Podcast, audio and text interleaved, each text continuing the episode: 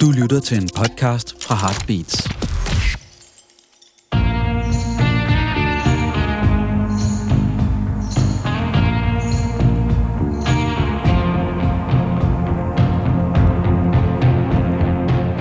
Så er det sørme blevet tid til endnu en gang rockhistorier. Dine værter er som altid Claus Lyngård og undertegnet Henrik Kvejs.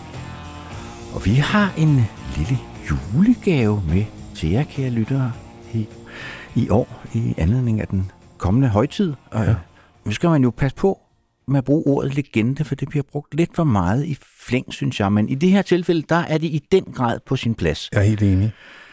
Vi har en mand, som har spillet bas og meget andet i to af mine absolute yndlingsorkestre, nemlig Gasolin og Sort Sol. Og i øvrigt også har spillet med Gud og hver mand fra Frede Fup og over Sande Salomonsen til Allan Olsen og alle mulige andre. Og det er selvfølgelig selveste Willy Jønsson, vi har i Velkommen, Willy. studiet. Tusind tak, og tak fordi jeg må være med. Ja, men det er en fornøjelse. Fornøjelsen ja. er på vores side, som man siger. Ja. Ja, jamen det er dejligt. ja. Og Jeg er nu jo et godt Henrik, selskab. det håber vi. Nu nævnte Henrik jo gasolin, som jo på mange måder er der, hvor du øh, grundlagde, hvad skal man sige, din berømmelse. Og vi er jo begge to gamle gasolin-fans. Det er, vi. jeg havde jo en epifani, da jeg så jer i Tivolis Koncertsal i 1975. Der var jeg 12 år gammel. Det var min første store rockkoncert. Jeg fik simpelthen revet tæppet væk. Altså, Ej, ikke det eksistentielt. Altså, det, det, var Det en, var- det var en livsomvæltende oplevelse. Ja. Det var faktisk der, tror jeg, hvor vi lavede øh, seks koncerter i, i stræk. Ja. Øh, og der var udsolgt, og øh, så skulle vi så lave den sjette, og så sagde vi til Knud Thorbjørnsen, som var vores daværende manager, ved du hvad, så betaler vi øh, alt, hvad vi tjener den, den sjette, det giver vi til Røde Kors. Nej, hvor fint. Ja. Så ja. gjorde vi så det, og så kom han med regnskab og se, alt er gået til Røde. Røde Kors. han var simpelthen en fantastisk manager, og det var ham, der lavede en kontrakt øh, med os, og han sagde, senere så sagde Sony, der havde lavet den, de hed CBS på det tidspunkt, ja. så han, sådan en kontrakt må I aldrig lave. Nej, det kan man bare se. Men vi vil starte at lægge ud med at spille et nummer, fordi det adskiller sig lidt fra massen øh, af gasolin-nummer, fordi det er ikke den øh, hedengangne Larsen, der synger lige vokal. Det er dig, Willy. Det er balladen om Provoknud fra Gas 2, som jo er en sang om en fyr, som i vores generation, vi jo alle sammen kunne huske og kendte. Han dansede jo til koncerterne og kom, I den grad, ja. ja, kom langt ud på syre og slog ind i Ja, ja. i en syrehus, jeg tror oppe i Tokkekøb Hej. Han havde som regel sådan en kjortel hen over sig, der gled mere og mere af, så han sådan nok kunne vise sin nøgenhed noget. Ja, ja. Jeg ved ikke, altså han, han hørte bare ligesom med. ja. ja men han skulle være der. Han var, han var danseren, indbegrebet af danseren. Øh, så lad os lige lægge ud med en, øh, en lille gasolin-klassiker her, hvor Willy synger for, og Frans han brummer lidt i baggrunden, så vidt vi kan høre. ja. Balladen om Provoknud fra ja, Gasolins andet album, det der bare hed Gas 2, med potmule Ja, øh, som vi kaldte dem. på Ja. coveret, som jeg også havde en t-shirt med, som jeg var meget stolt af. Ja. Den, øh, den og jeg købte, bonuspoint i plade, jeg, jeg købte pladen den dag, den kom. Og så øh, satte så op i pladehandler, så fik jeg sådan en masse stickers med, med potmule. Dem satte jeg over alt på skolen. Da jeg så var tilbage på skolen, af en eller anden årsag, 8-10 år senere, så var jeg på lokum, og der sad han skræftede med en af dem i nu. Det var nogle gode stickers. Ja. Men lad os høre balladen om Provoknud.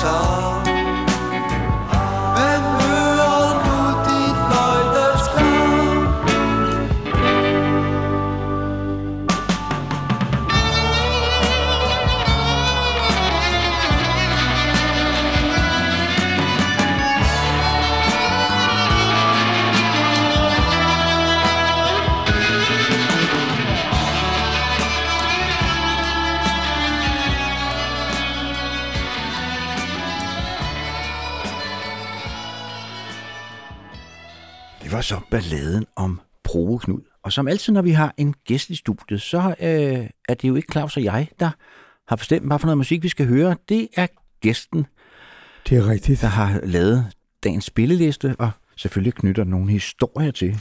Og vi starter faktisk i den klassiske verden, fordi at Willis første ønske, eller øh, valg, det er et uddrag af Tchaikovskis koncert for klaverkoncerte for klaver og orkester nummer 1 i B-mol. Og øh, Willy, hvorfor skal vi høre Tchaikovsky? Det er fordi, der, er- det er jo det første nummer, der er printet ind i min hjerne.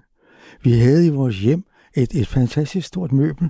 Nu siger jeg, det var et møbel. Øverst op var der en radio, og nedenunder, der var der plads til syv eller otte 78'ere. Og så stod jeg og kiggede på, så faldt pladen ned, guk. Og så kom pick-up'en ind. Det var ikke en pick-up, det var en nål. Og så kom numrene, og efterhånden så, så faldt de ned. Og så vendte man hele patruljen om, og så startede den igen, og derfor kunne man have det meste af en hel koncert. Fordi der var både A og B side, man skulle bare vende den rigtigt om, og man ikke bytte om, fordi så gik der kludet i den. ja. Det var jo for mig, jeg var sådan to-tre år, da jeg stod og kiggede på den. Jeg var fuldstændig fascineret. Sådan, og den der, di di di dum, der, den er fuldstændig brændt ind i mig, og jeg har aldrig glemt den. Og nogle gange, så begynder jeg at synge den derhjemme, og så siger jeg så, nå, nu kommer Tchaikovsky igen. Nu skal vi tilbage. Ja, ja men altså, øh, det, det, det er absolut den, den, den første ting, jeg, der er gået dybt ind i mig. Jamen, det er jo så sjovt, fordi at der, når man er lille, så må man jo tage det, der er i huset, ikke? Øh, Jo, jo. Jo, jo. Så hører man jo bare det, der er. Ja, men ja, det, der er, og acceptere det. Ja, ja. 100 procent. Så det, det kan jeg sagtens sætte mig ind i. Min far og mor havde også en, min, eller min far havde en stor pladesamling med mange sorte mænd i jakkesæt, Ja, og der holdt saxofoner. ja, Ja. Så det var jeg sådan tænkt, det var sådan musikere var. Ja. Det var sorte mus, sorte Ja, det mænd. var garanteret. LP'er, du snakker om. Det var Ja, ja, det var, 78, ah, men altså, han havde, vi havde 78'ere, men der var jeg så lille, så jeg overtog faktisk den gramofon, som den hed Tono, og så fik jeg alle 78'erne ind på mit værelse.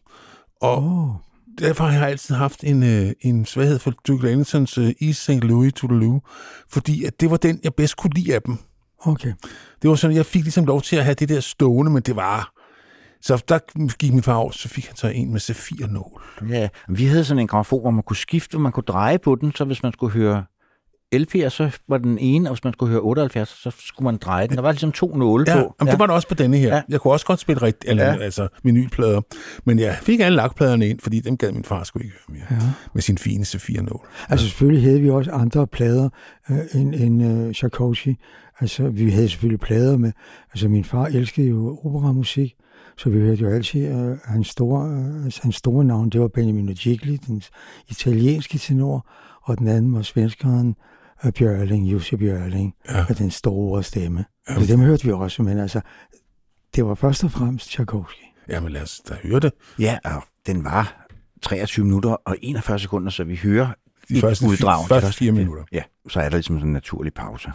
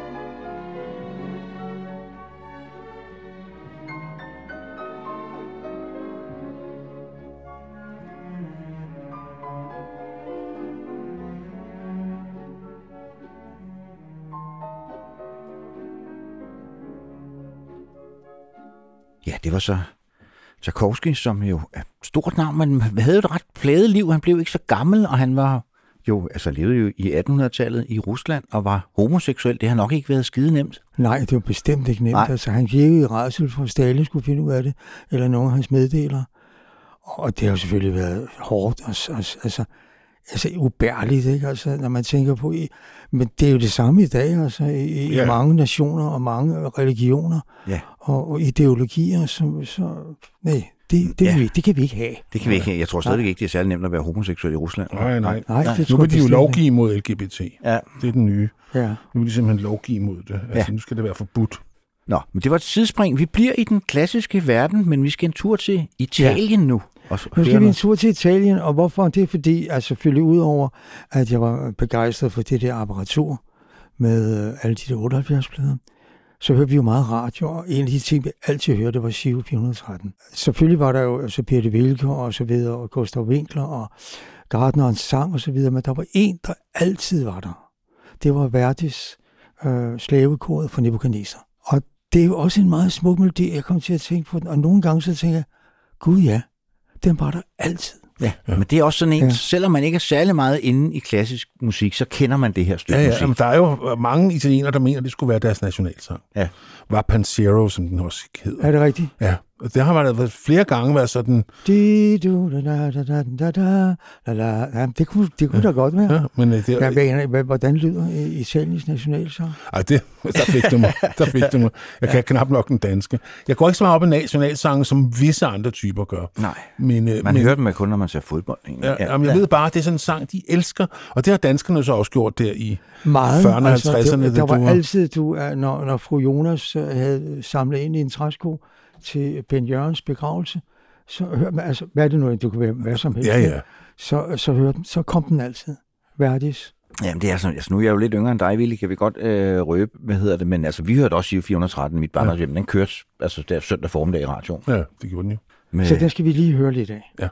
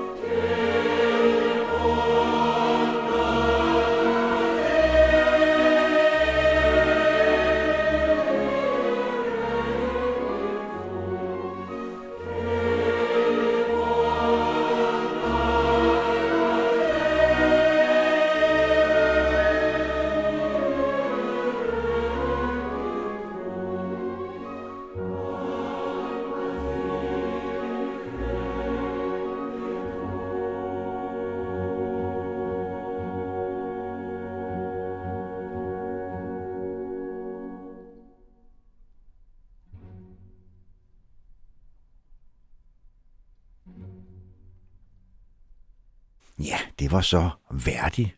Og der var noget med et klaver, der kommer ind i billedet her, Ville. Ja, øh, på et eller andet tidspunkt, det der Rabol, vi boede i stuen.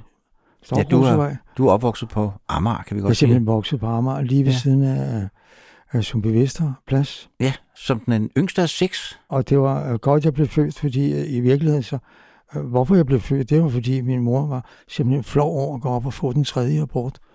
fordi øh, hun måtte ikke, altså, og, altså, og lægen havde sagt til ham på Jønsson, de kan ikke føde flere børn. Og det blev så alligevel mig. Ja. Det er jeg jo så glad for. Det er vi også. Men øh, Og hun, kunne, og hun kunne godt tåle det. Hun kunne godt tåle det. Det, der sker, var så, at, at øh, i det der raballer, der lige pludselig øh, lyder ude for trappen, så går vi ud, og så står der øh, nogle flyttemænd med et piano. De skal op på femte sal, så kommer skriver, som man havde set, det var hans klaver, og han kom løbende ned og siger, hvad, hvad, hvad så, de skal op på femte. Ej, det orker vi ikke, så. Kan vi ikke bare? Og så kiggede skriver øh, på min mor og sagde, vil du have et klaver? Så sagde mor, ja, det vil jeg da godt. Så fik vi klaver. Og så det Og der det var så skriver, og så ind der. Og, øh, og det gjorde så simpelthen, at jeg øh, et par år efter øh, fik klaverundervisning. Og jeg tror simpelthen, at det har været min, på det tidspunkt, hvor min søskende begyndte at flytte lidt væk. Og min ældste søster, Lise, hun var blevet gift med en departementchef i kirkeministeriet. Og øh, så sker der det at være noget bedre. Jeg tror, at han sagde, at altså, Ville skal gå til klaverundervisning, det betaler jeg. For de havde ikke råd til det. Nej. Så han betalte min klaverundervisning. Så gik jeg til klaverundervisning i to-tre år, eller var det fire? Og der lærte jeg at spille noget, og jeg lærte sådan set. Jeg spillede, øh, som regel, jeg kan huske altid, jeg spillede efter Johann Sebastian Bachs kone. Hun havde også lavet sådan en, et øvehæfte Ja. ja. for, for alle, øh, for små børn og så op efter. Ikke? Og det starter selvfølgelig i C-dur, og så går det hele kvindcirklen igennem. Ikke? Og øh, der var jeg sådan blevet ret god, synes jeg selv. Men så kom der så andre interesser efterhånden.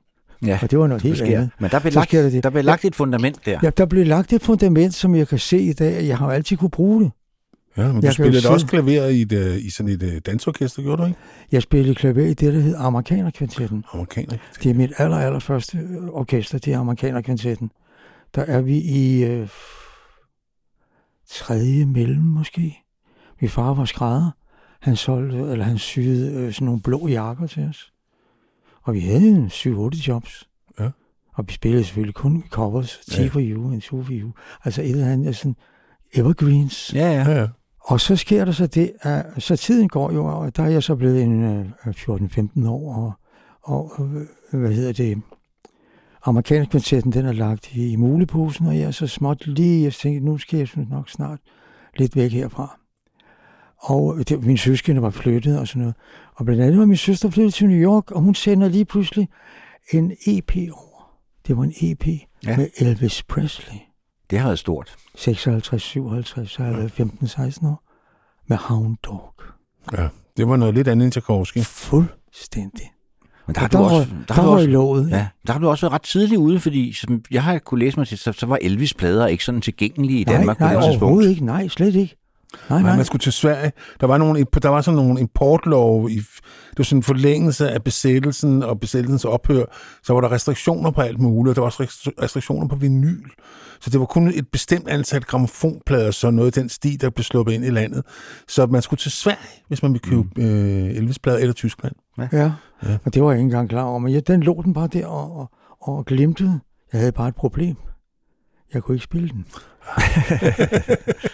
så jeg gik jo rodet rundt i, og jeg kan ikke huske, hvem der lånte mig en rejsegramofon, hvor man kunne spille den.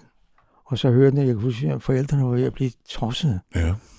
Men jeg synes, det var fantastisk. ja. Der er jo også en god energi i det, så- det nummer. Ja. Og det er meget sjovt, det bliver jo faktisk skrevet til en kvinde og sunget af en kvinde. Altså, det er jo i virkeligheden en, en kvindesang. Uh, you ain't nothing but a hound dog. Det er, var det ikke, det, Big Mama Thornton, Jo, der oprindeligt sang den, Wow. skrevet af Lieber og Stoller, og så Elvis hørte på en klub. Han er i New York selv, og hørte og vil, vil lave det, og siger, men Elvis, det er, altså, det er mænd, der har hound dog, det vil han skide på. Der trumfede han for en gang skyld igennem og fik sin vilje, og så indspiller, og det må sige, der kom en klassiker ud af. Ja. Men det er en kvinde, der synger til en mand. Okay, oprindeligt. det er Ja. ja. ikke det, den vi skal høre nu. Ja. Der er, Så, så allerede der legede han med kønnene. Hva, Henrik? Ja, Tidlig. LGBT, du. Ja. Kom ikke her. Men han er jo fantastisk Elvis, fordi senere, jeg kan huske senere, fordi så fik han jo, synes jeg, jo en lidt, øh, åh, altså, hvorfor skal du lave alle de åndssvage film, altså? Ja, ja, de var også dårlige. Ja, det er noget forfærdeligt. Men så var der på et eller andet tidspunkt, hvor han lige pludselig tog sig sammen, og så lavede han, jeg tror faktisk, Kim han abede efter, hvor de sidder, de her musikere, han Ja. ja. altid plejer at bruge, nærmest ligesom i en ring. Ja, den der The 68 Special. Simpelthen, ja. ja. Og der er han lige pludselig den gamle Elvis igen, ikke? En Der kan leder man det høre- hele, ja, det Ja, så fandme Og der kan man ud. høre, at han kan synge. Ja, ja, I og, den grad, ja. jamen, selv dårlige sang kunne han synge. Ja, ja. Men øh, her er han i, i topform. Elvis Presley anno 1956 fra Willis første vinylsingle. You ain't nothing but a hound dog. Crying all the time. You ain't nothing but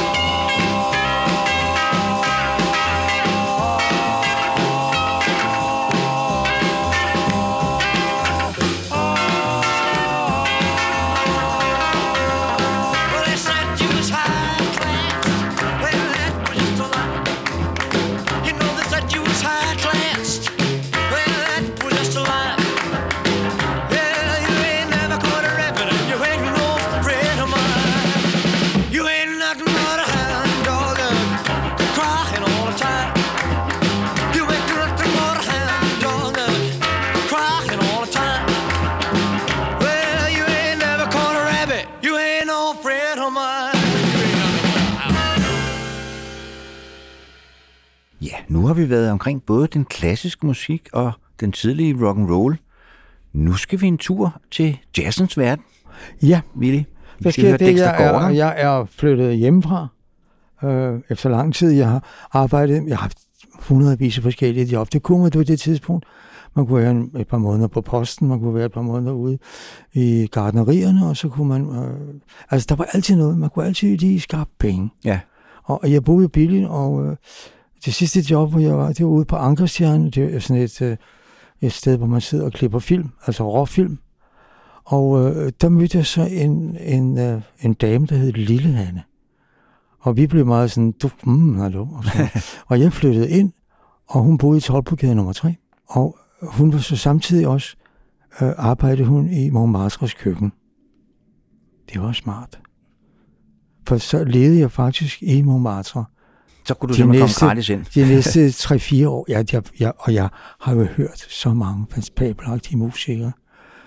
Uh, vi skal høre uh, Dexter Gordon og, og, og Beaumont uh, som to af dem.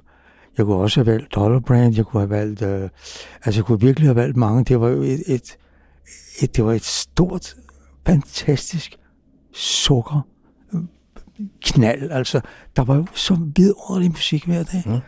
Og, det kostede ikke noget. Jeg kom jo bare ind. Nej, det er jo skønt. Nej, og det skal man sige, stort set alle øh, de store stjerner i jazzmusikken kom jo forbi Montmartre. Det altså, gjorde de ja. nemlig, og det er jo simpelthen... Øh, hvorfor gjorde de egentlig det? Det er selvfølgelig, selvfølgelig skyldes det jo. Øh, det er jo ikke kun Hakkedak skyld. Det Hakkedak, det var ham, der stod i, i hvad hedder det, ude i entréen. Nej, det har været, øh, det har været bookerne, der har været smarte. Ja. Ja. Men jeg tror også, det var, at der var sådan et jazzkredsløb for de der amerikanske musikere. Når de tog til Europa, så spillede de i København, øh, Stockholm, Oslo og så videre, alle de store byer. Og Ja, så var ja, der, altså. kun, der var kun den klub, faktisk, til, til, til den form for jazz. Lige der på det tidspunkt. Jeg tror ikke, der var... Det kan være, der har været nogen i Aarhus, Odense, jeg ved det ikke. Det kom måske, jeg kan ikke huske det. Ja, der var, også, været der var også en del af de der sorte øh, jazzmusikere, som valgte at bosætte sig i København. Så der Ja, kom jo ja. også en miljø, altså Dexter Gordon Ja. boede her jo en Det del år. Ben Webster. Ja, for del det, år, og, og, Ja. og det, gjorde, øh, øh, det gjorde Ben Webster også. Ja. Ja. Ben Webster ligger jo begravet ude på Vesterkirken. Ja. Ja, ja, og hvad? Jamen, var det ikke uh, Janus, der lavede en film om dem? Jo, Janus Køster Rasmussen har Ja. lavet en rigtig fin, som jeg tror stadig, man kan se på, Det på tror jeg, DR's hjemmeside. der handler om de to. Ja. Ja. Ja, så de, de var jo lige om... Og så var der så nogle faste danske musikere, som jo bakkede med alle sammen op, Niels Henning Ørsted Pedersen Det er på bas, Ørsted, ja. og Alex Riel på trommer, ikke? Alex Riel på trommer, som jeg senere kom til at spille med øh, 50 år efter. Ja, du spillede sammen med Lasse og Mathilde, ikke? Ja, Det var simpelthen. dig og Ole Fik og, Og og Ole Alex Fik. Riel. Det er jo en meget det, god lille kombo. Ole Fik og mig, og, og trum, vi, vi spillede jo næsten ikke noget. Nej. Det, vi spillede så få toner, så Lasse med Tilly kiggede rundt og sagde, hold kæft på det svinger. og det gjorde han også. Ja. Vi lå dem have hele tiden. Men vi skal høre en optagelse af sangen Misty, Errol Garner-nummeret, øh, med Dexter Gordon, som med Niels Henning Ørsted Pedersen og Alex Riel, og så en, en spansk pianist, der hed Tete øh, Montolio. som- Montelli, ham kan jeg godt huske. Ja. Ja. Øh, Og det er en optagelse fra Montmartre i 1964, for det er de år der, du kom der, der i 60'erne. Der kom jeg der. Ja. Det kan grad. være, at du er blandt publikum her, Ville. Det kan være. Ja. Men lad os høre, det er en meget, meget smuk, øh, meget, meget smuk øh, fortolkning af Ja. Misty. And now, the Errol Garner composition, Misty. I get misty just holding your hand. Misty.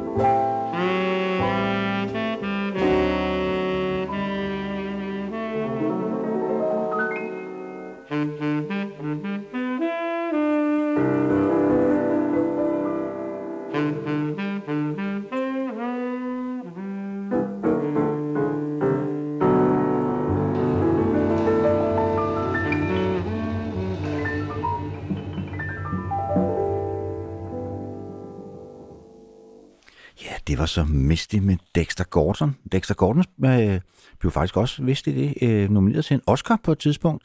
Han spillede Clint Eastwood, øh, lavede sådan en film, der hed Round Midnight, tror jeg, Ja, ja, med Dexter ja. Gordon, han øh, spillede hovedrollen. Den film fik han faktisk en Oscar-nominering for som bedste mandlige hovedrolle. Nå, det han vandt jeg så ikke, men Nej, nej, men det er sgu det? ja, Ja.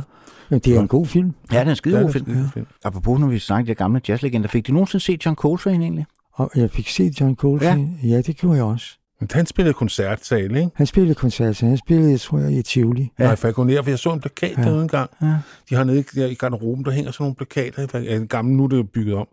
Men det gamle Falconer, der kunne jeg se der John Coltrane and Miles Davis, og tænkte oh, det har nok været en meget god aften. Ja, Ja, men altså, de har jo lavet, altså, Coltrane er også med, altså, han er jo, han er jo også en fabelagtig. Øh, jo, helt utroligt. Ja.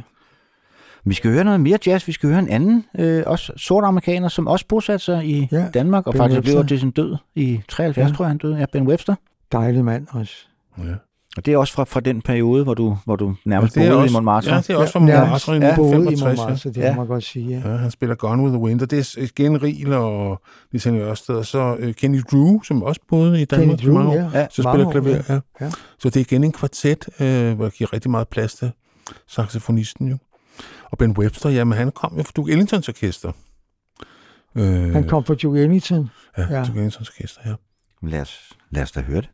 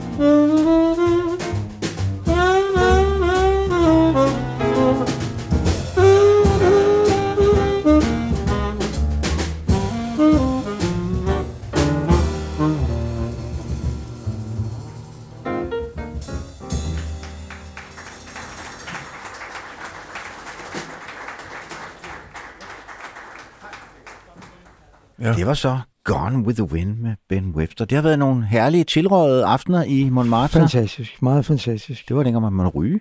Øh, Ja. Og det blev der, der blev røget. Og det er sjovt, jeg har en lille sjov historie omkring uh, Herluf Kamp Larsen. Han var jo vinterbader, ligesom jeg var også på det tidspunkt, der er jeg så vidt stadig. Uh, og, og, uh, og så fortalte han mig, fordi på et eller andet tidspunkt, så, så skulle han have en, der kunne, vi havde sådan en tandem, og han kørte ikke, troede ikke køre alene, så var jeg hans marker, så sad jeg bagpå, og så kørte vi ud. Og da vi så sad i saunaen, så sagde han, havde jeg skulle engang Ben Webster med ude. Okay. Så jeg, hvad siger du? Hvad fanden skulle Ben Webster herud? Jamen, jeg synes, jeg bare lige vise ham det.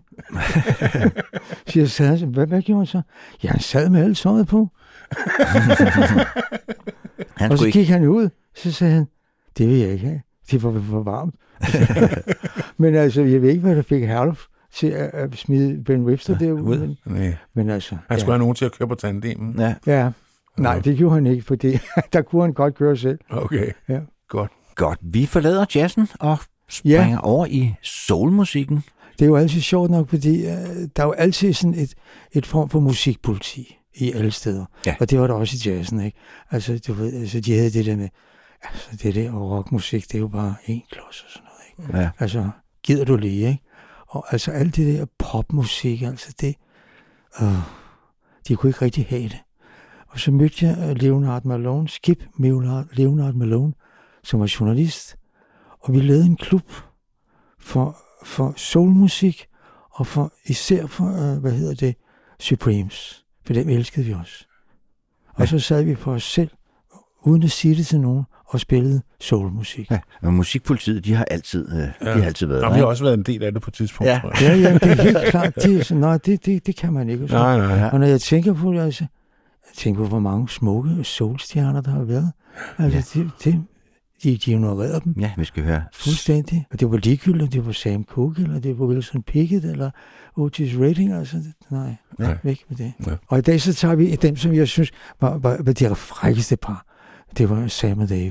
Ja, Det var de de var også. super fede. Vi skal måske lige til yngre lytter lige fortælle, at denne Leonard Skip Malone, du nævnte før, var jo en, øh, en sort amerikaner, som Ja. øh, bosatte sig i Danmark ret tidligt, havde været, været, tror jeg, været soldat i Vesttyskland, og var så faldet for Danmark. Øh, og, og, og, jeg kan også huske ham fra min barn, men han gjorde ret meget altså, i Danmarks Radio videre for at sådan, tale om sort amerikansk kultur, som jo var Ja. ret fremmed dengang Ja, i det må Danmark. man sige. Ja, det som han Det som roligt præsenterede for ja. danskerne, Ja. ikke? Ja. Han giftede sig med Kirsten, så, som stadigvæk lever, og fik to dejlige børn, og desværre død. ja. Men øh, ham savner jeg også. Jeg savner nogle gange, men det mange af ens venner, de skvatter fra. Ja. Ja. Sådan er det jo. Ja, sådan er det. Det, det, er jo, det er jo ulempen ved at Ja. blive gammel. Men lad os høre, lad os høre Sam and Dave, fordi det er, noget, det er en helt anden solgade. Coming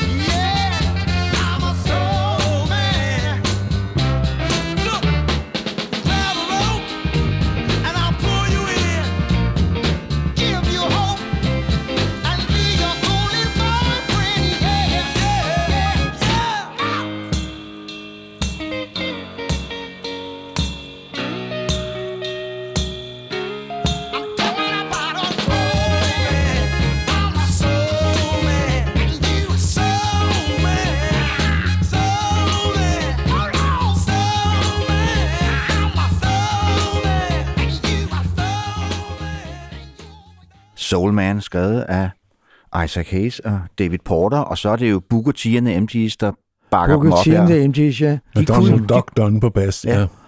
Altså, og det var faktisk lige nøjagtigt, da jeg hørte den der plade, så tænkte jeg, Willy, det er bas, du skal spille. Den, det, den, den styrer det hele. Okay. Det var simpelthen der, du, du fandt ud af, at det ja, skulle være dit det, instrument. Det, det, det, er der, du skal, det er der, du skal hen. Det er, også, det styrer faktisk også det hele. Det må man sige. Donald Duck, han kunne også noget, ikke? Ah, altså, det, ja. det ligger godt, og det ja, det. fantastisk, altså. Det er så smukt. Vi skal høre en anden fantastisk bassist. Vi skal høre Jamie Jameson, som spillede i Motowns husorkester. Vi skal høre Supremes uh, Stop in the Name of Love, som var jo også sådan et band, som man ikke rigtig vidste, hvem var. The, der hed, ja. hvad var det, de hed? The Funk Brothers. Ja. blev de kaldt. Ja, Motowns Husorkester. Som, Ja. Det er jo først senere, man har fundet ud af, at det var meget de samme fyre, som spillede Ja. på alle de der Motown-plader. Ikke? Og Ja. det, det, det, det er klart, de, de kunne deres ting. Ja. De vidste lige, hvor de var henne. Men de blev jo Der- ikke kritiseret dengang. Altså, der Nej, de blev ikke engang, de fik, fik sikkert ret meget hyre. Nej, de fik 15 dollars eller sådan noget for en Ja. session. Ja, ja. Det var helt latterligt. Og så er der altid, på, på næsten alle Supremes numre, der er der en bariton sax. Hvorfor lige det? Jamen, det, er sådan, det passer fuldstændig rigtigt. Der er altid vibrafon, og der er som regel også altid, der er en, altid en lille kort bariton solo, det mener jeg. Og så er der tamburiner. Tamburin, ja selvfølgelig. Det var meget brugt på Motown-pladerne. Ja, men Stop in the Name of Love er jo også, altså det er jo et sus af en plade. Jeg kan huske, jeg havde den på, single, og den er sådan en af dem, der stod ud af højtalerne. Ja. Øh, der er sådan en sus over den. Øh, Det er der. den skal høres som, som single Ja, på en men det var, også det, det var også Ja. det, de, det var også det, de kunne, de der Motown-produktioner. De, de lød jo rigtig godt på transistorradio og sådan noget. Ikke? Altså, det, var Ja. de jo, det var de jo Det var produceret de gode til. Ja, Det, og de ved, de skal ud der. Folk sidder ikke med store stereo. Nej. Nej, det havde man Vi ikke spiller for folket. ja. Ja, ja. Det var transistorradioerne og rejsgrammofonerne og singler.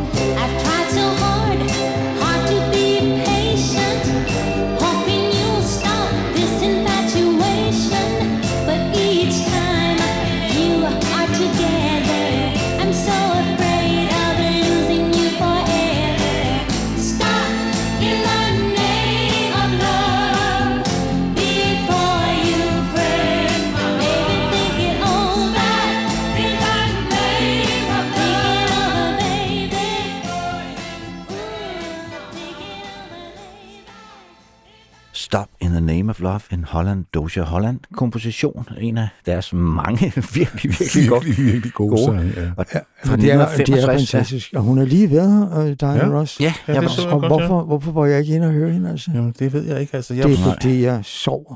ja. Ja. ja. Og det var Jeg blev- altså også peberet. Det var ikke... det ja, var men jeg var overvejet det faktisk også, bare at tænke, nu er det, det er sgu nok sidste chance, ja, ja, ikke? men det var lidt halvdyrt, Men ikke? efter Ja. ja. sine, øh, så skulle hun synge lige så godt. Så Okay. det, det vil I høre der. Ja, Og det er ret fantastisk. Hun, må, hun er i hvert fald på min alder, jeg tror Ja, ja. 83. ja, Skal ikke undre mig. nej. Men nu er vi nået til det punkt i historien, øh, Ville, hvor du også selv er begyndt at spille i forskellige orkestre, ikke? Jo, øh, Du har spillet med Peter Belli, ikke? Øh, jo, meget tidligt, ikke? og, øh, ret tidligt, det var stadigvæk et år, jeg spillede på et elendigt øh, Vox-manual år. Det gjorde jeg også på Exploding Mushroom.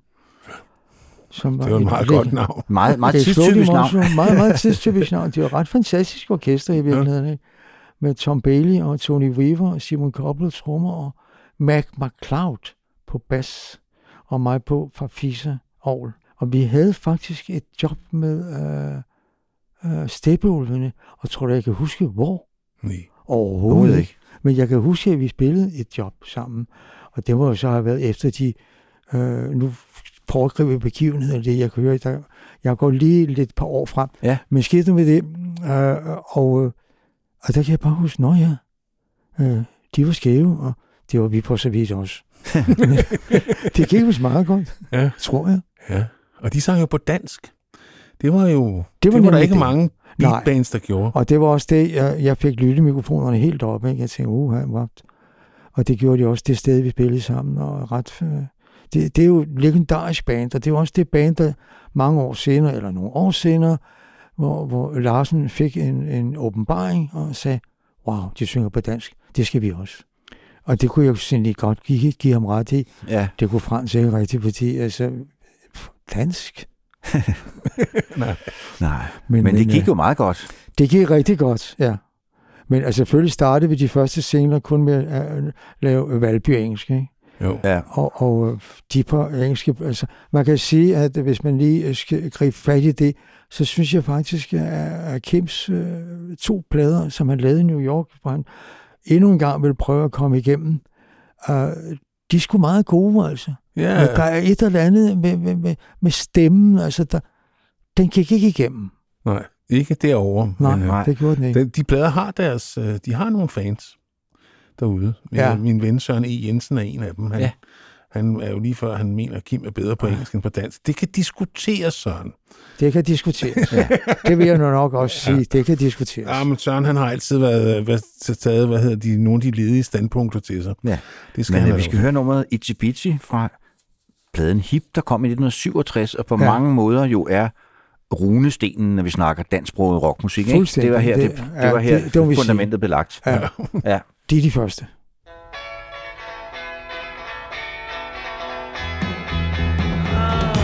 Itsy bitsy, tag med mig til Nepal.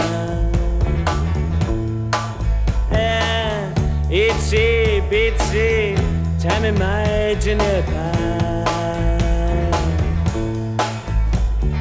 Vejen er lavet af rågummi sol og tag dine sko af,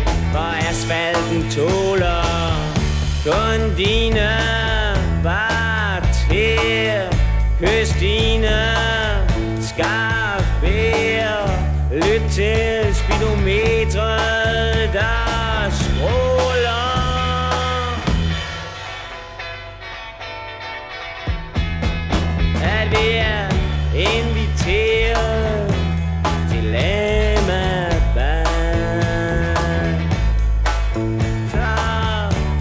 et til BT, er med mig til Nepal.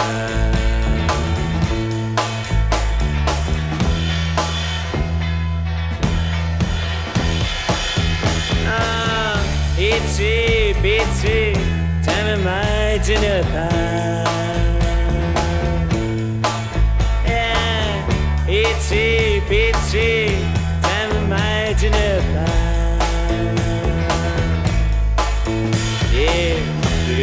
flyvende tæppe går klokken otte Bob. Dylan har ringet og sagt, vi kan nå det. Vi har brystkarameller ved I vores trøstkarameller ved Nordpolen Hvor isbjørnen blev skudt uden at nogen kvinder så det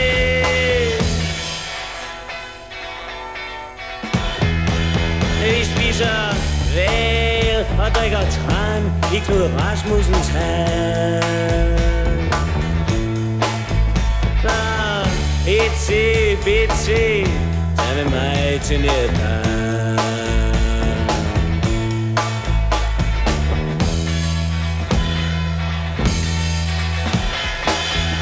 Vi vil sidde i skyggen af kølige buske og lade tik hjernecellerne huske, at vores sprøde sand i vores røde spanske strøs på gulvet til ære for de gamle huske.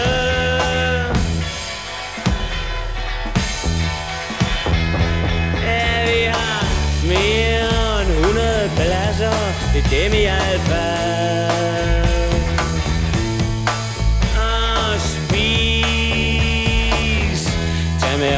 med os til Nepal.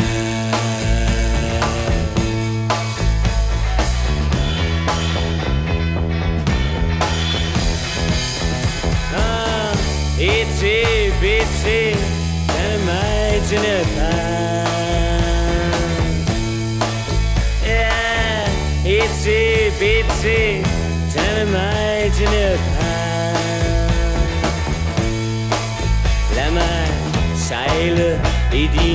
øjnes ocean Og Lad mig lukke af din øs bananer. Aberne lukker sig, øerne klukker dig, og jeg elsker dig langt højere end du.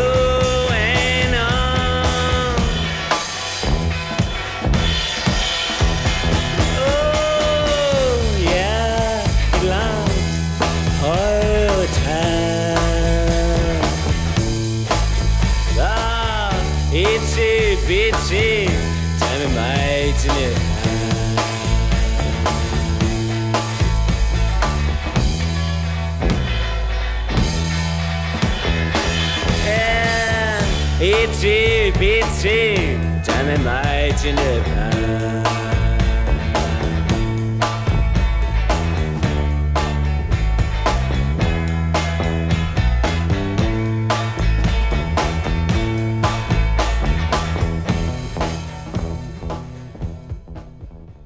Ja, Ja, det var jo i stoffernes storhedstid.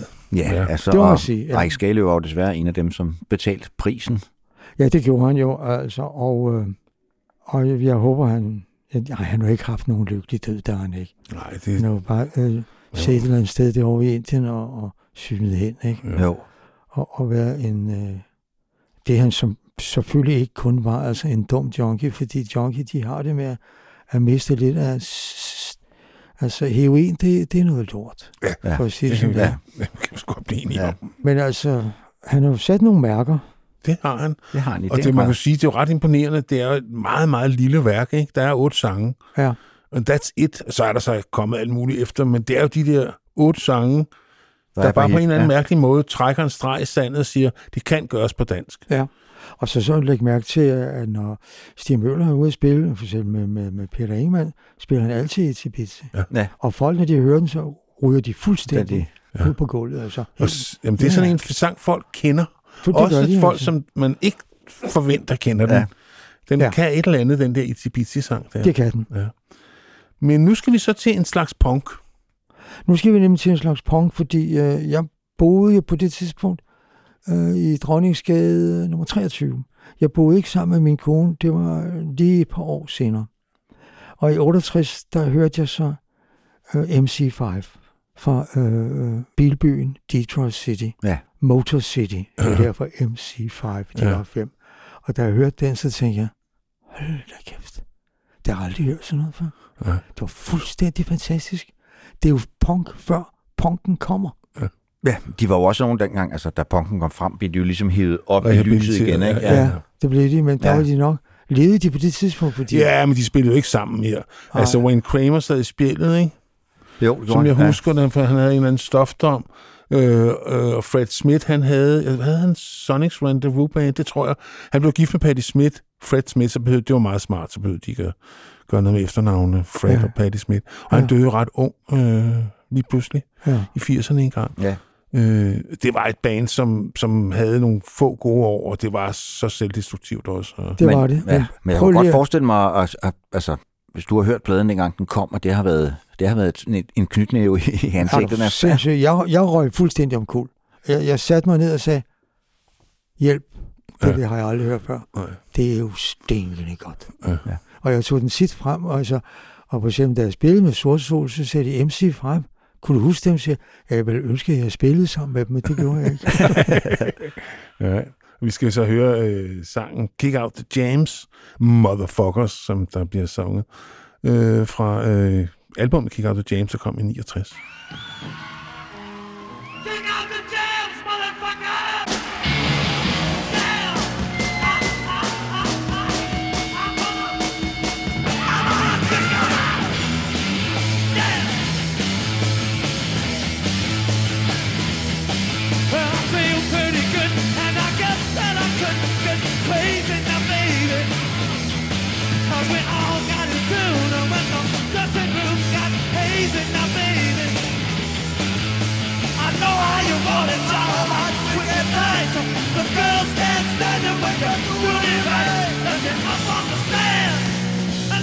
Kick out the jam.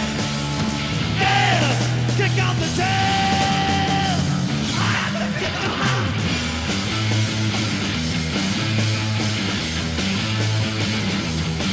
Yes, I'm starting to sweat. You know my shirt's all wet. What I'm feeling. In the sound that I bounce and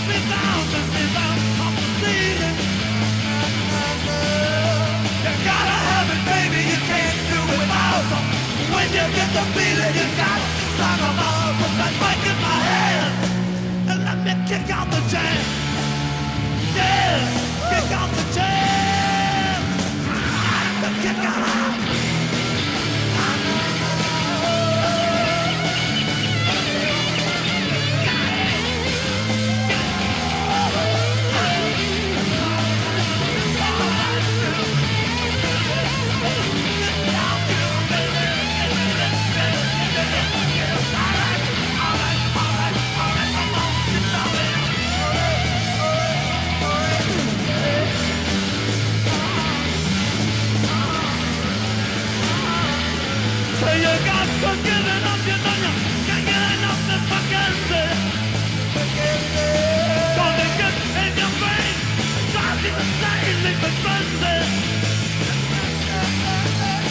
The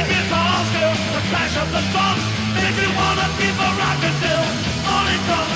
Let me be who I am, and let me kick out the jam. Yeah, kick out the jam. I done kicked them out.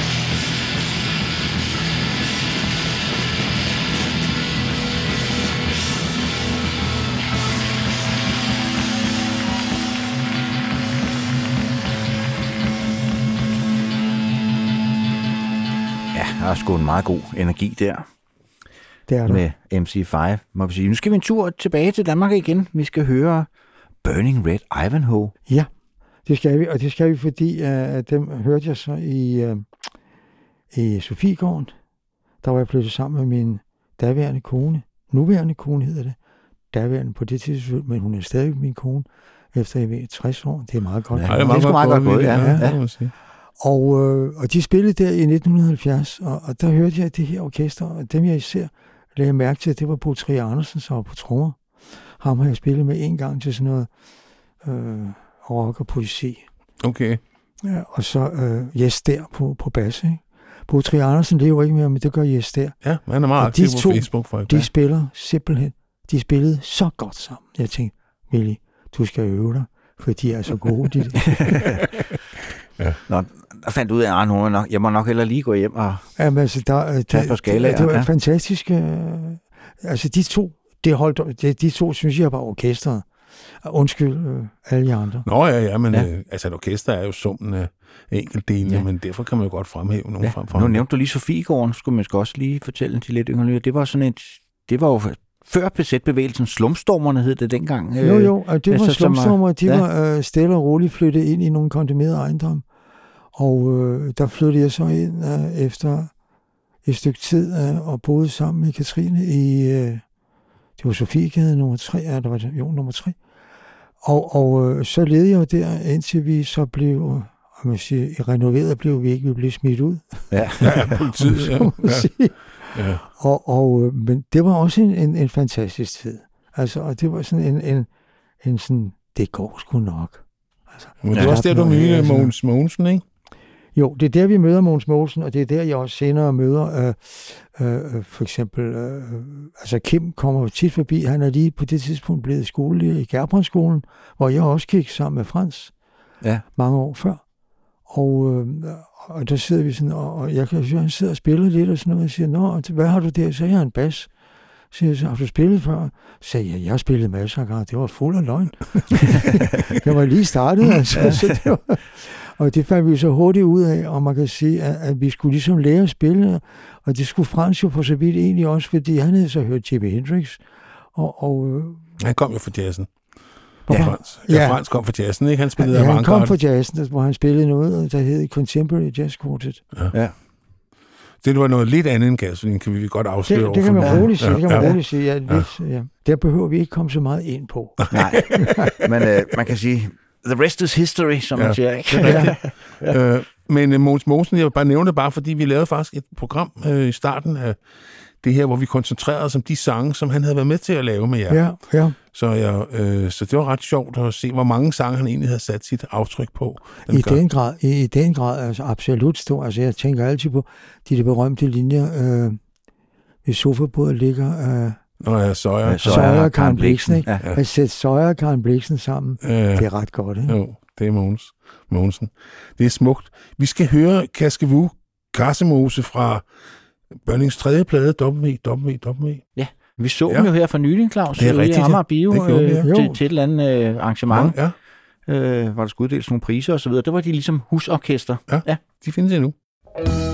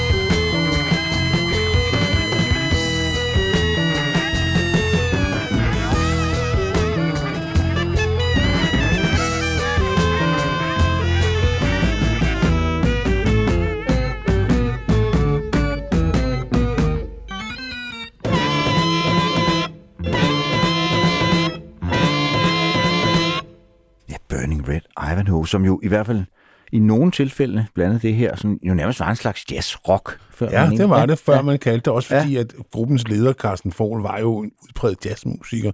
Øh, og det Jo. var faktisk ham, der introducerede mig for sopransaksen. Den havde jeg sgu ikke rigtig hørt før. Sådan rigtigt, jeg hørte Burning. Men det var ligesom hans, og så spillede han også keyboard, ligesom dig, Vinnie. Ja, det gjorde han. Jamen, dem så jeg rigtig mange gange. Ja. Ja. Der var sådan nogle bands. Burning, Midnight Sun, Coldpeppers, Day of Phoenix. De spillede sådan nogle kredsløb, og der var tit to, tre. Første gang jeg så Gasoline var også sådan et fælles arrangement. Jeg tror, sådan noget med Thors Hammer, og øh, altså der spillede alle mulige. Der var altid to-tre bands Ja, på sådan en aften, ikke? jo. Der var, havde lige lavet i toeren, men den var ikke udkommet. Så Nej. de spillede nogle af numrene, der var vi helt op at støde, altså på banen derude af. Altså, nej, vi glæder os til, den plade kom. Det kan jeg godt love dig. Det var en stor aften, Vinnie. Stor aften. Ja. Ja. Jamen altså, øh, det var det egentlig også. Der var nogle aftener der. Så sker der jo det, at, at langsomt, så har jeg sådan ligesom fundet ud af, at øh, og det er der jo nok nogen, der vil have bemærket, det er da lidt mærkeligt, at han i 60'erne overhovedet ikke har spillet nogle af de store 60'er-navner. Jamen det var jo fordi, øh, jazzen havde taget over, ja. og så andet det andet, og så, ja altså, Jamen, nu kommer vi til de store og så, 60'er-navne, nu Vinnie. kommer vi til de store 60'er-navne, ikke? Det gør vi jo. Og vi tager så, øh, for mig at se, nok det, det største band i det forrige århundrede. Ikke? Ja. Tænk så, at der er fire mennesker, der er gode musikere. Alle fire. Tre af dem synger fremragende. Tre af dem laver de mest fabelagtige melodier. Og at de, øh, hedder det, alle tre laver gode tekster. Ja, det er selvfølgelig The det Beatles, vi finder snakker man- om. Ja. Det finder man jo ikke mere. Nej. Altså, der er jo masser af gode navne, hvor der er en, øh, der synger godt, og måske, øh, det siger- men ikke hvor der er tre, der synger godt. Mm. Og laver kor. Altså, det er fuldstændig fabelagtigt. Jeg sidder, altså jeg sidder nogle gange, når jeg igen hører, så hører jeg for eksempel Paul McCarthy's baslinjer. Han er jo en fænomenal bassist. Ja. Han ligger simpelthen lige nedenunder og laver nogle, nogle forløb, som man tænker, det var dog satans. Ja. Jamen altså, man lægger mærke til flere og flere ting, Ja. ja. og der er mange facetter, og altså, jeg kan aldrig nogensinde blive træt af dem. Og det er selvfølgelig, altså, jeg synes, at det er det, det største navn, der nogensinde har været i rockmusikken og popmusikken. Det hører måske med til historien, at lige nu ligger de jo nummer et i England. De har jo restaureret den der Lennon sang, ja, er Lennon det- Now, og den ligger faktisk i skrig, altså mens vi sidder og taler sammen, nummer et i England, så det er ret vanvittigt. Ja. Det må man sige. Men altså, de må også sige, det er et rimelig slidstærkt katalog, de fik stablet på benene i løbet Ja. af faktisk. De er, bare, de er jo faktisk kun syv år, de er aktive. Det er jo ret Ja. vildt, når man tænker på, hvor meget Ja. god musik de når at få lavet på løbet af syv år. Det er fuldstændig fantastisk. Ja. Så har jeg så valgt øh, at tage Sgt. Pepper's Lonely Heart Club Band, og det er så øh, den, de spiller på side 2, Reprisen, og som ja. ja. efterfølges af Day in the Life. ja, og de hænger jo ligesom sammen. De hænger sammen. Altså, fordi at det gjorde den, det var den første gang sådan en plade, hvor numrene, man kunne ikke, altså, man kunne ikke sætte nålen ned på noget sted på pladen, fordi at de, alle sangene flød sammen. Så der er sådan nogle ret brætte overgange i den, faktisk. Ja, jeg vil, jeg vil gerne have, vi, vi kan godt høre dem begge to. Men det, Ja, ja, synes det jeg, det synes jeg helt Det klart, vi skal. Og vi lader, vi lader dem køre ud i hinanden, øh, som, de, som det er tænkt fra, fra bandets side. Ja, det er jo, det er jo altså, Sgt. Pepper's Lonely Hearts Club Band er jo sådan en plade, der er tænkt som et værk. Ja. Altså, Ja. hvor man for alvor begynder at tænke som albums, i stedet for som singler, ikke? Altså, Jo. Og den her, det her Sgt. Ja. Pepper's Lonely Hearts Club Band Reprise, som vi skal høre, det var det aller sidste, der blev lavet. Der var, Paul synes, der manglede et eller andet. Øh, så de går ind, og den indspiller de på en dag. Altså nu så sætter de den bare i skabet. Og det andet havde de jo nørklet med. Det var den første plade, hvor de virkelig nørklede igennem, ikke? Og brugt, ja. mm, altså, efter datidens normer, rigtig meget studietid, ikke? Og de har selv også, jeg i hvert fald, at Paul har sagt, at han var meget inspireret af Pet Sound, som Ja, ja, jo er lavet af. Beach Boys. Og man kan også sige Pet Sound, og tak skal du have. Det, der vil jeg også have valgt det, altså undskyld, dem to, jeg, vi kan ikke nå det Vi hele. kan ikke nå det hele vildt. desværre ikke, nej. Nej, men det her er heller ikke noget dårligt sted at lande.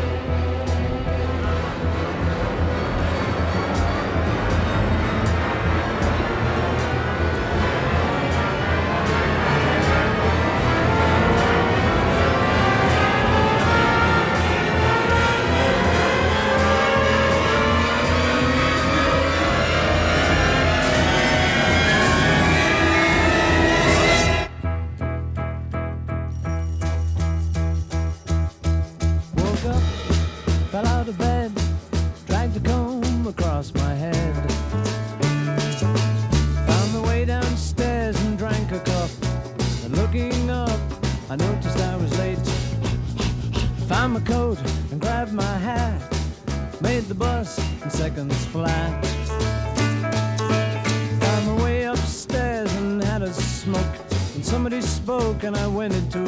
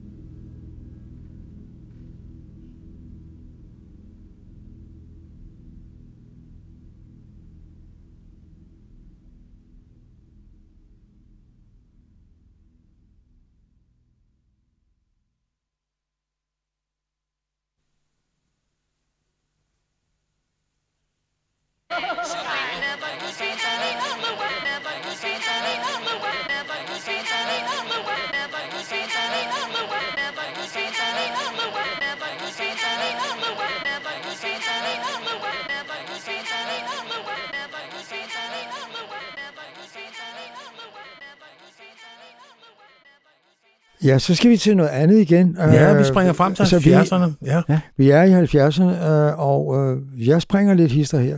Det var sådan, at vi diskuterede meget i, i den periode, hvor jeg spillede med gasolin, af hvem der var store, og hvem der ikke var store. Og nogle gange kunne vi være uenige, og nogle gange kunne vi ikke være enige. Da vi spillede lige pludselig David Bowie, øh, i hans den periode, hvor han optog sin plade i Berlin. Ja.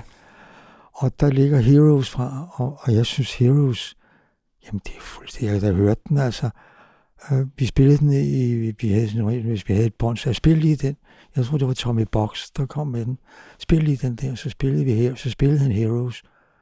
Og jeg spillede så, og jeg tænkte, hold da kæft, det er godt. Det er aldrig godt. Det, det det er jo både, så jeg tænkte, det har vi altid haft det sådan lidt mærkeligt med det i både.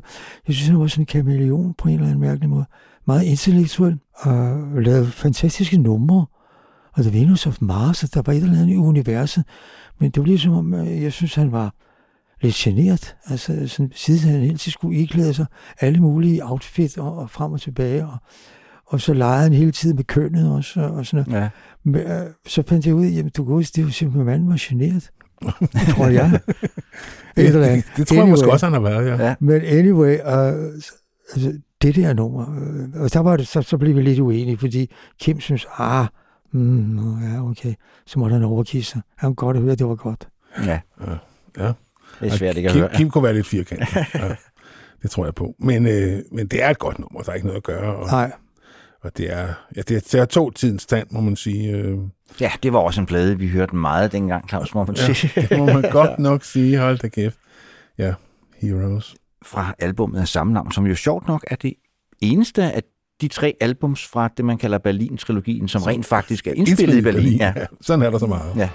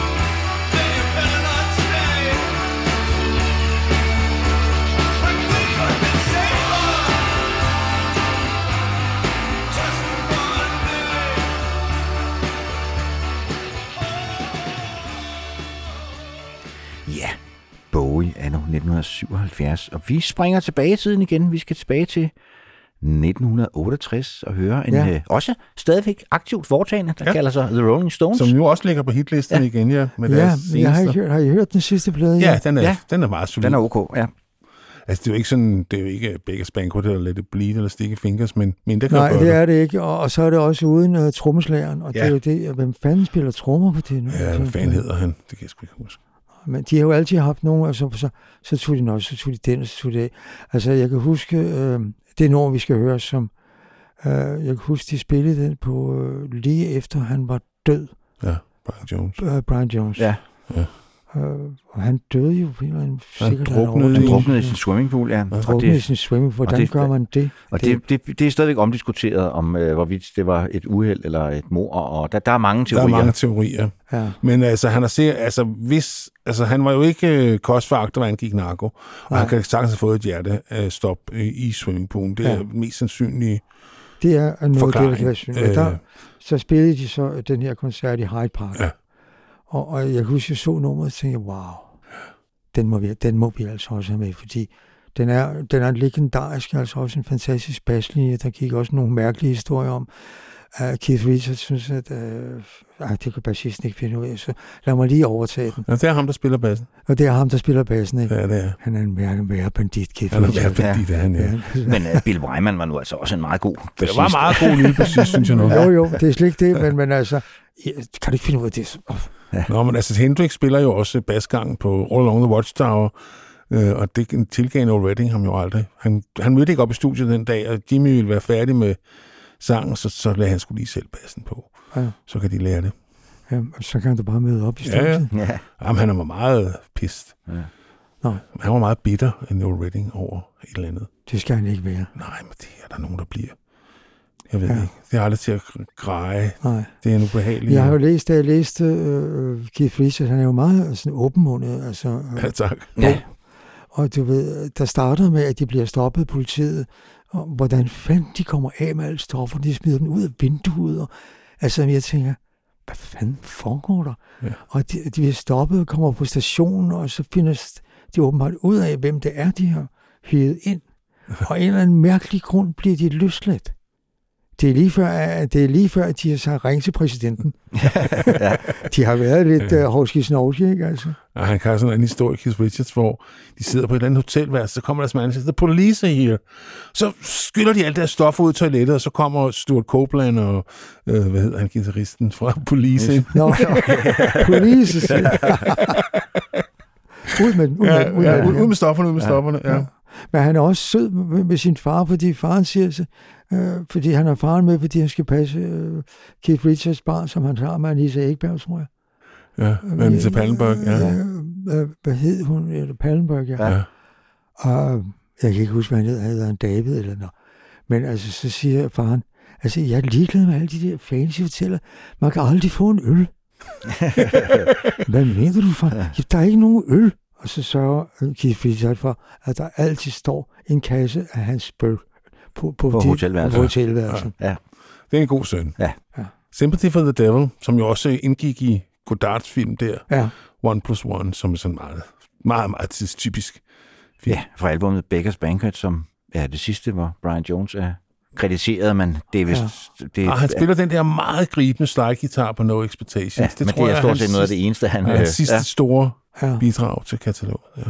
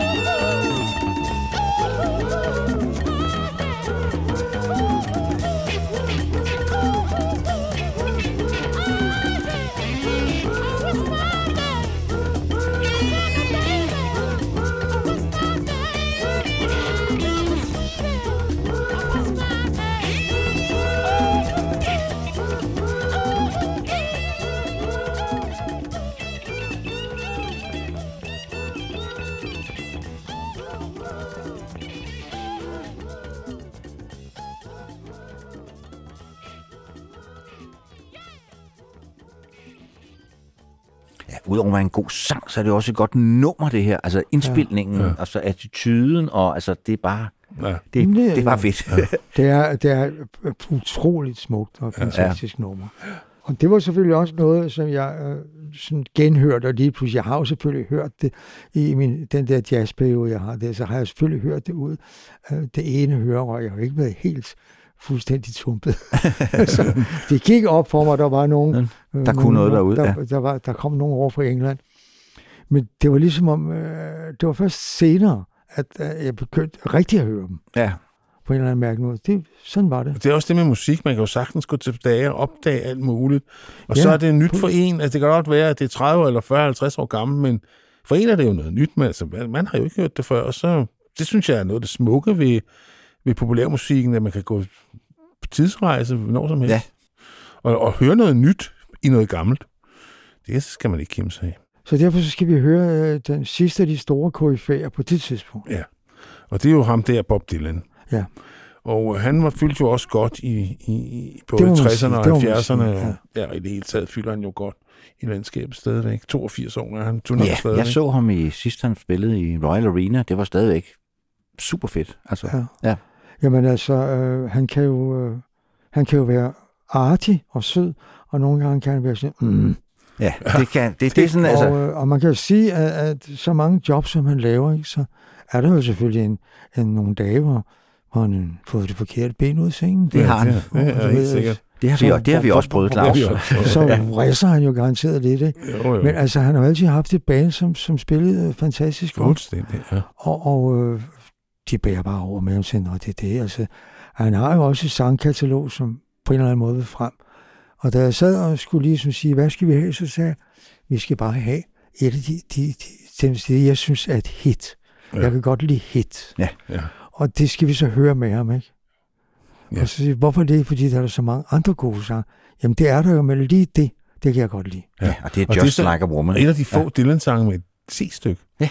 Det er jo ikke noget, han gør så meget i. Men Nej. lige her, der har han åbenbart tænkt, Ja, der ja. skal lige lidt ekstra til. Han er jo bluesmusiker på den Ja, ja. måde. Men her er der et frækt lille C-stykke, det har jeg altid holdt meget af. Øh, og det, det er sådan en super fed sang. Ja, og det er Just Like Woman, som sagt, fra albumet Blonde on Blonde, men blev også udsendt som single og blev, som vi lige var inde på, faktisk et hit. Ja. Ja. ja. Og senere blev det jo et hit i Danmark med Manfred Mann. Ja, det er rigtigt. Men Manfred Mann, Ja, jeg havde singlen med, ja, de fik et hit med den. Ja. Godt. Der kan man bare se. Ja.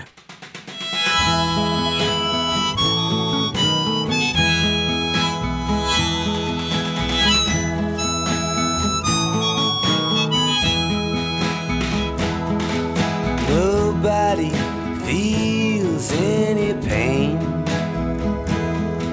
Tonight as I stand inside the rain,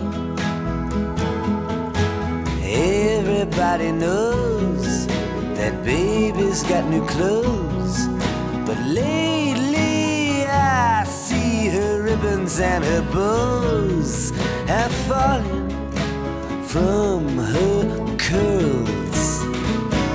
She takes just like a woman. Yes, she does. She makes love just like a woman.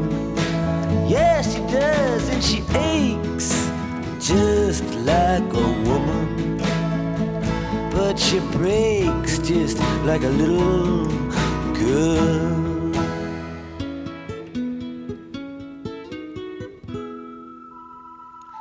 Queen Mary, she's my friend. Yes, I believe I'll go see her again.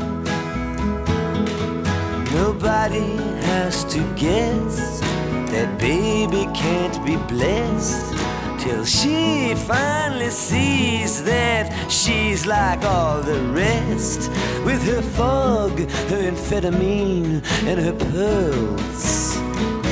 She takes just like a woman. Yes, she makes love just like a woman. Yes, she does, and she aches just like a woman.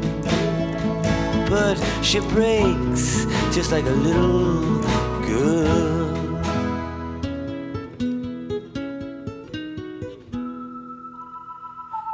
It was raining from the first, and I was dying of thirst, so I came in here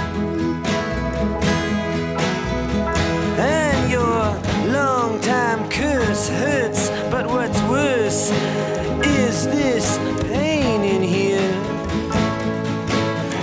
I can't stay in here. Ain't it clear that I just can't fit? Yes, I believe it's time for us to quit. But when we meet again, introduced as friends, please don't let on that you knew me when I was hungry and it was your world. Are you fake just like a woman? Yes, you do. You make love just like a woman. Just like a woman. But you break just like a little girl.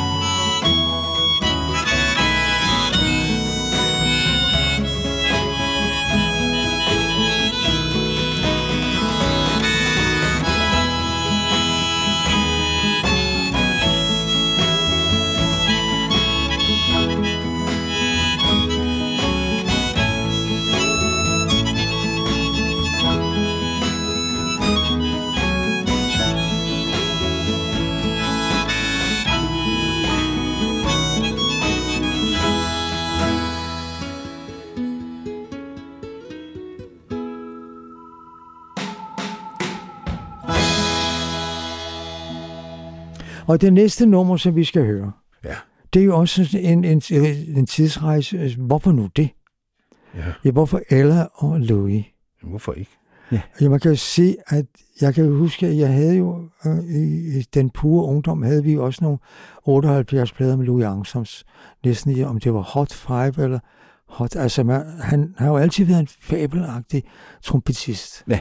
Og han er jo i den grad ligesom blevet, øh, hvad kan man sige, øh, så god en- altså, han er en fremragende trompetist. Ja, Det er må Og, og han, han, han er det igennem 20'erne, 30'erne og 40'erne, altså. Ja.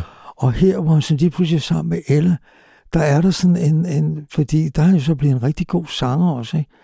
Og ham og Ella, de, altså, kender I øh, pladen? Ja, det gør De sidder, og, og de ligner jo et nydeligt par, Ja. der i 60'erne, ikke? Jo, De sidder jo. der, og han har hvide sokker på, kan jeg huske. Ja, Og altså, de, de ligner jo sådan nogle, mm, nogle man må elske. ja. Ja. Og jeg kan huske, vi hørte den plade lige pludselig, da, det gik, da vi købte den. Så tror jeg, vi hørte den i altså utallige gange. Ah, Skal vi ikke lige have? Eller Louis. Ja. Og det, det er sådan lidt mærkeligt, men altså lige pludselig så genskabte den igen den der kærlighed til Louis Armstrong, som jeg synes er, er en af de forrige århundredes bedste trompetister. Altså. Ja, men han er fantastisk, men det er jo også måske lidt utaknemmeligt, fordi han blev ligesom den der figur, Louis Armstrong, så nogen har Jo. måske svært ved at høre, hvor god en musiker han Ja, ja, ja, egentlig også var, ja. ikke? Ja.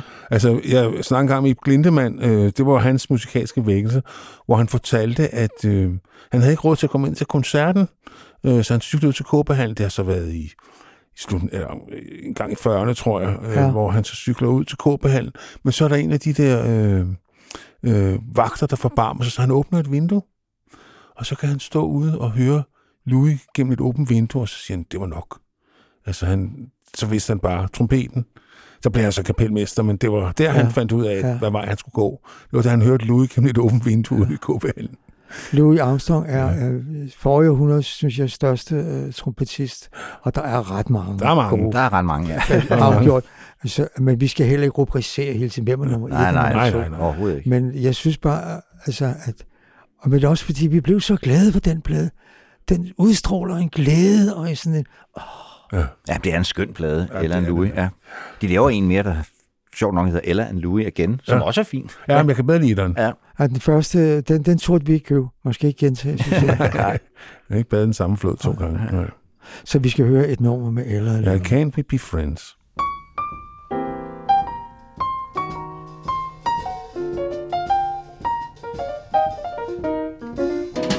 I thought I'd found the man of my Now it seems this is how the story ends.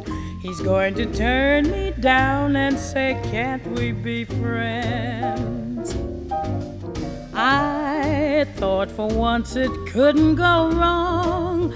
Not for long, I can see the way this ends. He's going to turn me down and say, Can't we be friends?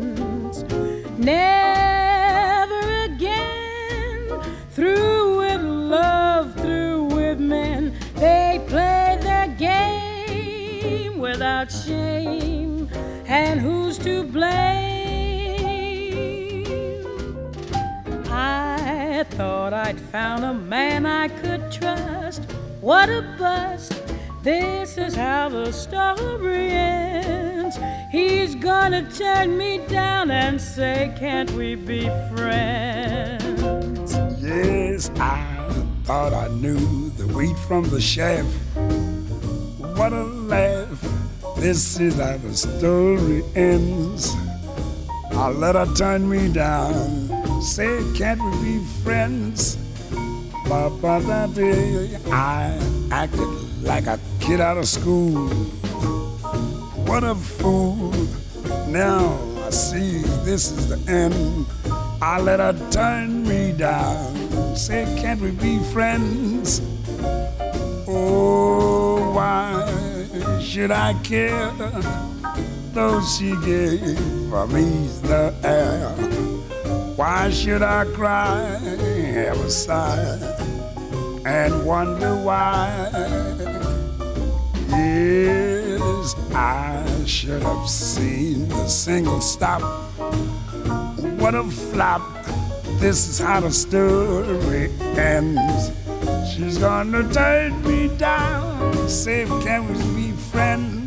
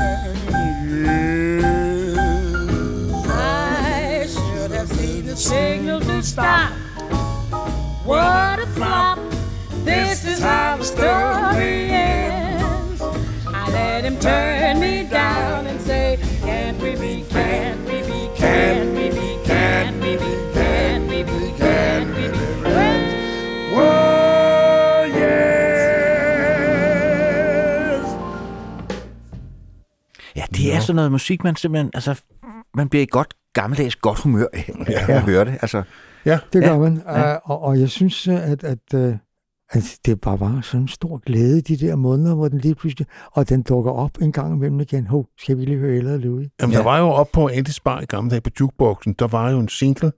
Øh, der var øh, en, altid en, hvad var det for en? Det var øh, Can Anyone Explain? Can anyone explain? Den var på jukeboxen i Andys, og derude på natten, når man så ikke kunne score en dame, så kunne man sgu altid lige høre høre. eller, Eller, eller, ja. Louis, før man gik grædende hjem, ikke? Ja. fordi at man var blevet lidt uschammerende af alt det Mm. bare af skyld, man havde drukket. Ikke? Ja, det kan man, det kan man blive, ja. Man kan godt miste charmen hen ad vejen. ja, man kom til at gentage sig selv. Ja, og være sådan Og- lidt for, Ja. Ja. lidt for lang, lidt for tydelig i sit kropssprog måske. Ja. Ja. ja. Nå, Can, men- men... Så kunne man have sagt til pigen, can't we be friends, Ja. ja. men det gjorde man ikke. Can we be friends again? Men øh, vi skal høre Nu- Prince nu. Nu skal vi høre Prins. Og Øh, jeg nummeret Purple Rain, og du har valgt en live-version. Jeg har valgt, der er flere live-versioner. Der, jeg har en live-version, men den var 12 minutter. Det er Ja. ja. fordi, han bliver ved med at stå kling, ding, ding, og folk ved godt, hvad der kommer. Men han bliver ved med at stå, og det tager ja. næsten 4-5 minutter. Og jeg kan jo godt huske, at øh, for jeg hørte Runes, og der hørte jeg den version. Der findes en anden live-version, jeg ved ikke, hvad I har fået ind, hvor øh, den der, det du, det du, det du, den bliver gentaget på sådan en magisk måde. Og det gjorde det ikke rigtigt på den, men altså, Jeg kunne, ikke rigtig, være. jeg kunne ikke rigtig finde ud af, hvad det var for en version. Jeg har fundet en fra Utrecht, som jeg synes sidder lige i skabet. Der var en derude, der var 18 minutter, så tænkte jeg, hvis det er den, Willy mener, så får han den ikke. nej. Øh, Jeg sad og hørte den igennem, og tænkte også, det starter fedt, og så bliver det altså virkelig langt i spyttet til sidst. Den her var kun 6 minutter, Willy. Men til gengæld synes jeg, at den får sagt det hele. Så jeg håber, at du kan Ja. leve med det. Jeg kan godt leve med det. Det er Ja. fint. Og det var fordi, du skrev den lange version, og så så Ja. jeg den der på 18 minutter, så tænkte Ja. jeg, ah, Willy, Ja. det går Men sgu. øh, Prince, det er noget, du har lyttet Prins øh, har jeg været til øh, tre-fire gange øh, til koncerter. Ja. Jeg kan huske en i Valbyhallen, tror jeg det var, Ja. hvor øh, øh, inde i systemet gik i stykker. Og trommeslageren så var en kvinde. Jeg kan ikke huske, hvad hun fanden hed. Men skidt nu med det. Øh, hun smider de der telefoner væk, og, og prinsen stopper det hele og går op og siger, hvad fanden er og sådan noget. Og så snakker lidt med, så går han ned, og så siger han til publikum, vi, vi starter lige igen, fordi det der inde i en system, og der er nogle teknikere ude far, og siger, pum, og vent en øjeblik på prins, og siger, rolig, vi spiller uden det. Det kunne han jo. Ja. Og, og selvfølgelig kunne han da det. Ja. Jeg ved, om jeg kan huske den koncert. Uh, umiddelbart, nej. Jeg Nej, har også set men, nogle øh, flere gange. Jeg Men synes, det altså synes også, jeg bare var så fascinerende, ikke? Og hed hun ikke Sheila? Og Sheila. Tror- Devotion, jo. Jo. Ja, okay. Hun starter bare på fra med et helt glad, okay, okay, nu kører vi. Okay, ja. Hvad hvad hed hun? Hun hed Sheila E., ikke? Jo. Ja, ja, jeg tror, jeg får Sheila B. Devotion, Ja. ja. vist nok disco Ja, ja, ja. Men Sheila E. hed hun vist Ja. nok, ja. Men der Men- er jo den øh, sjov, øh, også ligesom skal vi sige, vittigt, jeg ved ikke, vi kender den, men nu fortæller den ikke, at øh, en journalist går hen til Erik Clapton og siger, Clapton, hvordan er det egentlig at være verdens bedste guitarist? Så kigger Clapton på mig og siger, spørg prins. Ja, så kan de lære det. Ja, det er et super Ja. godt svar. Ja, men vi hører Purple Rain live øh, fra en øh, optagelse fra juni 87, som blev frigivet her i 2020.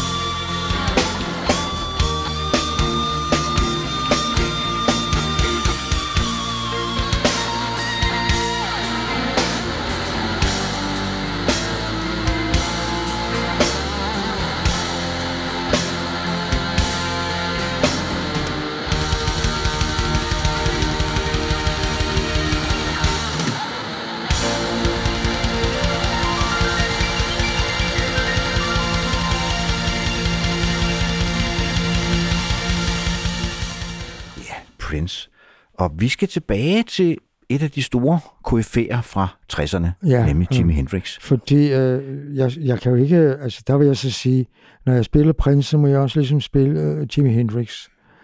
Fordi Jimmy var jo også den, som øh, kom og chokerede alle de fa- fabelagtige bluesguitarister, der også sagde, hvad fanden sker der?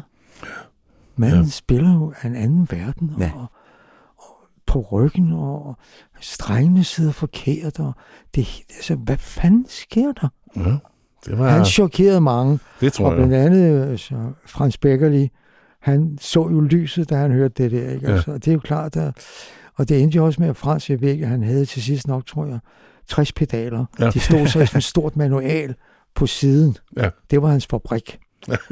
Okay. og, og så nedenfor, der lå alle de knapper, han skulle trykke på. Ja. Og nogle gange så gik det jo galt, fordi han var ellers god til, at nogle gange så, duk, så kommer han til at trykke på den forkert.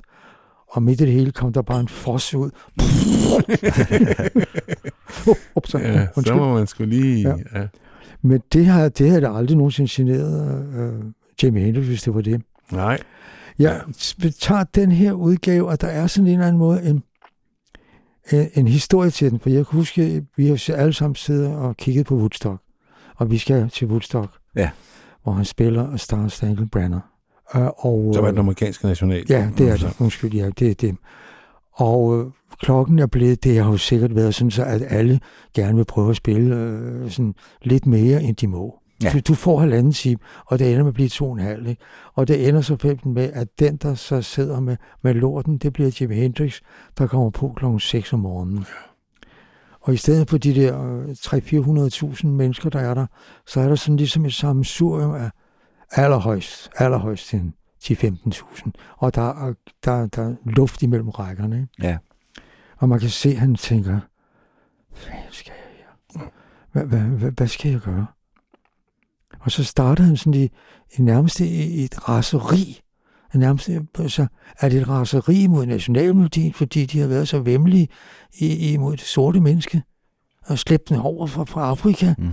på umenneskelige måder. Altså, er det det raseri, eller elsker han øh, melodien? Fordi den trods alt har givet ham et liv. Altså, man ved det ikke rigtigt. Og, og hvad er det med Pul? Og han bliver mere og mere vild.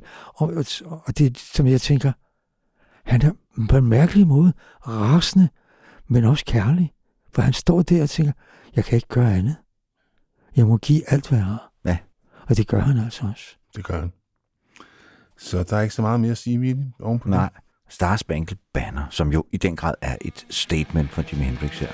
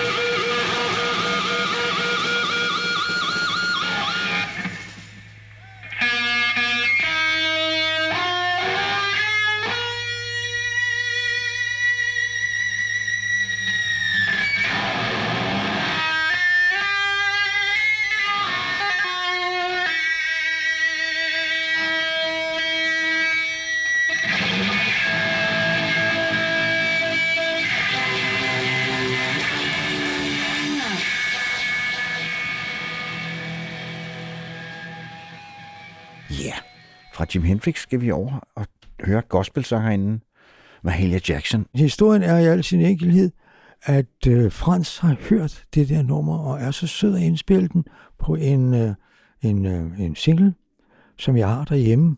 Og det er sådan en ting, at nu tror jeg, at Frans har glemt alt om det, men, men øh, den, indsp- den, synger, den spiller jeg jo selvfølgelig hver, øh, hver gang det er jul. Hvorfor det lige skal være jul, det ved jeg ikke. Men indimellem kan jeg også godt bare pille på at spille den. Fordi den er simpelthen så fantastisk. Der er jo det der enkelte menneske, som står og synger næsten a cappella. Der er et år, du kan høre i, bag, baggrunden. Og når man har hørt den, så begynder man simpelthen bare at græde. Ja. Det kommer helt automatisk. Ja. Det er det jo sådan nogle gange med stemmerne. Ja. Stemmerne er jo på en eller anden måde verdens første instrument, og måske også det smukkeste. For det er den, der kommer lige fra hjertet. Altså, der er ikke noget at gøre. Nej. Altså, hvis du går ind og også, ja, nogle gange, hvis jeg er inde og hører en stor sopran eller tenor i en opera, så begynder jeg også at græde. Altså, det, det, det letter. Men det kan selvfølgelig også gøre det, hvis man hører Bruno spille øh, saxofon. Jeg ved det godt, men jeg synes, stemmen er det smukkeste instrument af alle instrumenter. Og hun kan det. Ja. Og det var, hvad, hvad var det for et Mahalia Jackson-nummer? Det var fadervor.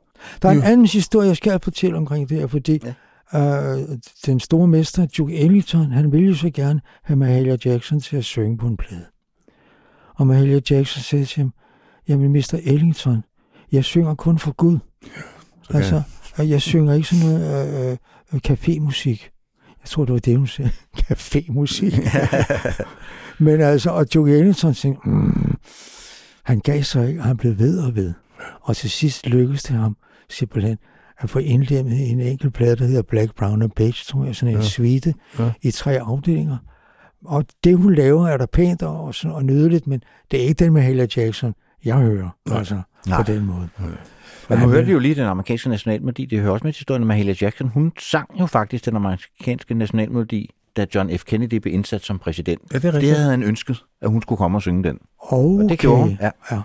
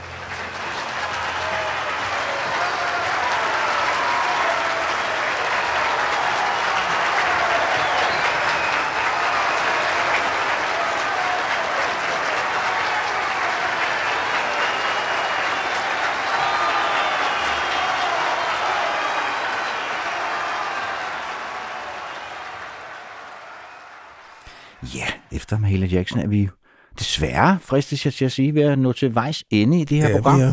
Og jeg skal som Ja. ja. altid lige minde jer kære lytter om, at hvis I kan lide det, I hører, og det håber vi, I kan, så kan I gå ind på heartbeats.dk og finde rockhistorier. Og der er så sådan en rød støtteknap, man kan trykke på. Og øh, så bliver man guidet igennem, og fidusen er så, at man bliver trukket et beløb, det beløb, man nu vælger, hver gang vi lægger en podcast op, altså ikke hver gang man lytter, men hver gang vi lægger en ny podcast op. Og det er sådan, det her program er finansieret, så det håber vi meget, I gør. Der er selvfølgelig allerede en del, der gør det, og dem skal vi selvfølgelig huske at sige tak til. Ja, og vi vil også rigtig, rigtig gerne sige tusind tak til dig, Willy, fordi du gad komme. Selv tak. Og spille noget af det musik, der har formet dig. Ja. Og vi vil, du slipper ikke så nemt. Vi slutter af med at spille en, den eneste gasolin-single, som Kim ikke sang lead på, Bedstefar, fra Gas 3, hvor du jo igen oplader din røst for alt folket. En sang om en lokal karakter, som I kendte ude fra Christian, eller Christianshavn. Øh, han fandtes, jeg tror, er det ham, der er på omslaget af singlen? Der er sådan en, en fætter. Ja, det er bedstefar. Det er bedstefar, der. så Ja. det var en, Ja. ja. en rigtig sang om en rigtig mand. Fuldstændig. Det er også min og Mogens Mogensen med på. Så, øh, så har du også ligesom fået lov til at være en stemme. Så jeg får lov til led. Det Ja. har jeg jo forvejen. Jeg synes, det har været et sjovt program. Det er lidt svært at skal rushe helt tilbage til... øh, Du er født i 42, hvad skete der så der? Ja. Det kan jeg virkelig ikke huske. Nej. Men altså, det har været skønt. Ja, det har været skønt at have dig, Willy. Tak fordi du gad. I lige måde. Og tak for musikken selvfølgelig også. Ja, selvfølgelig.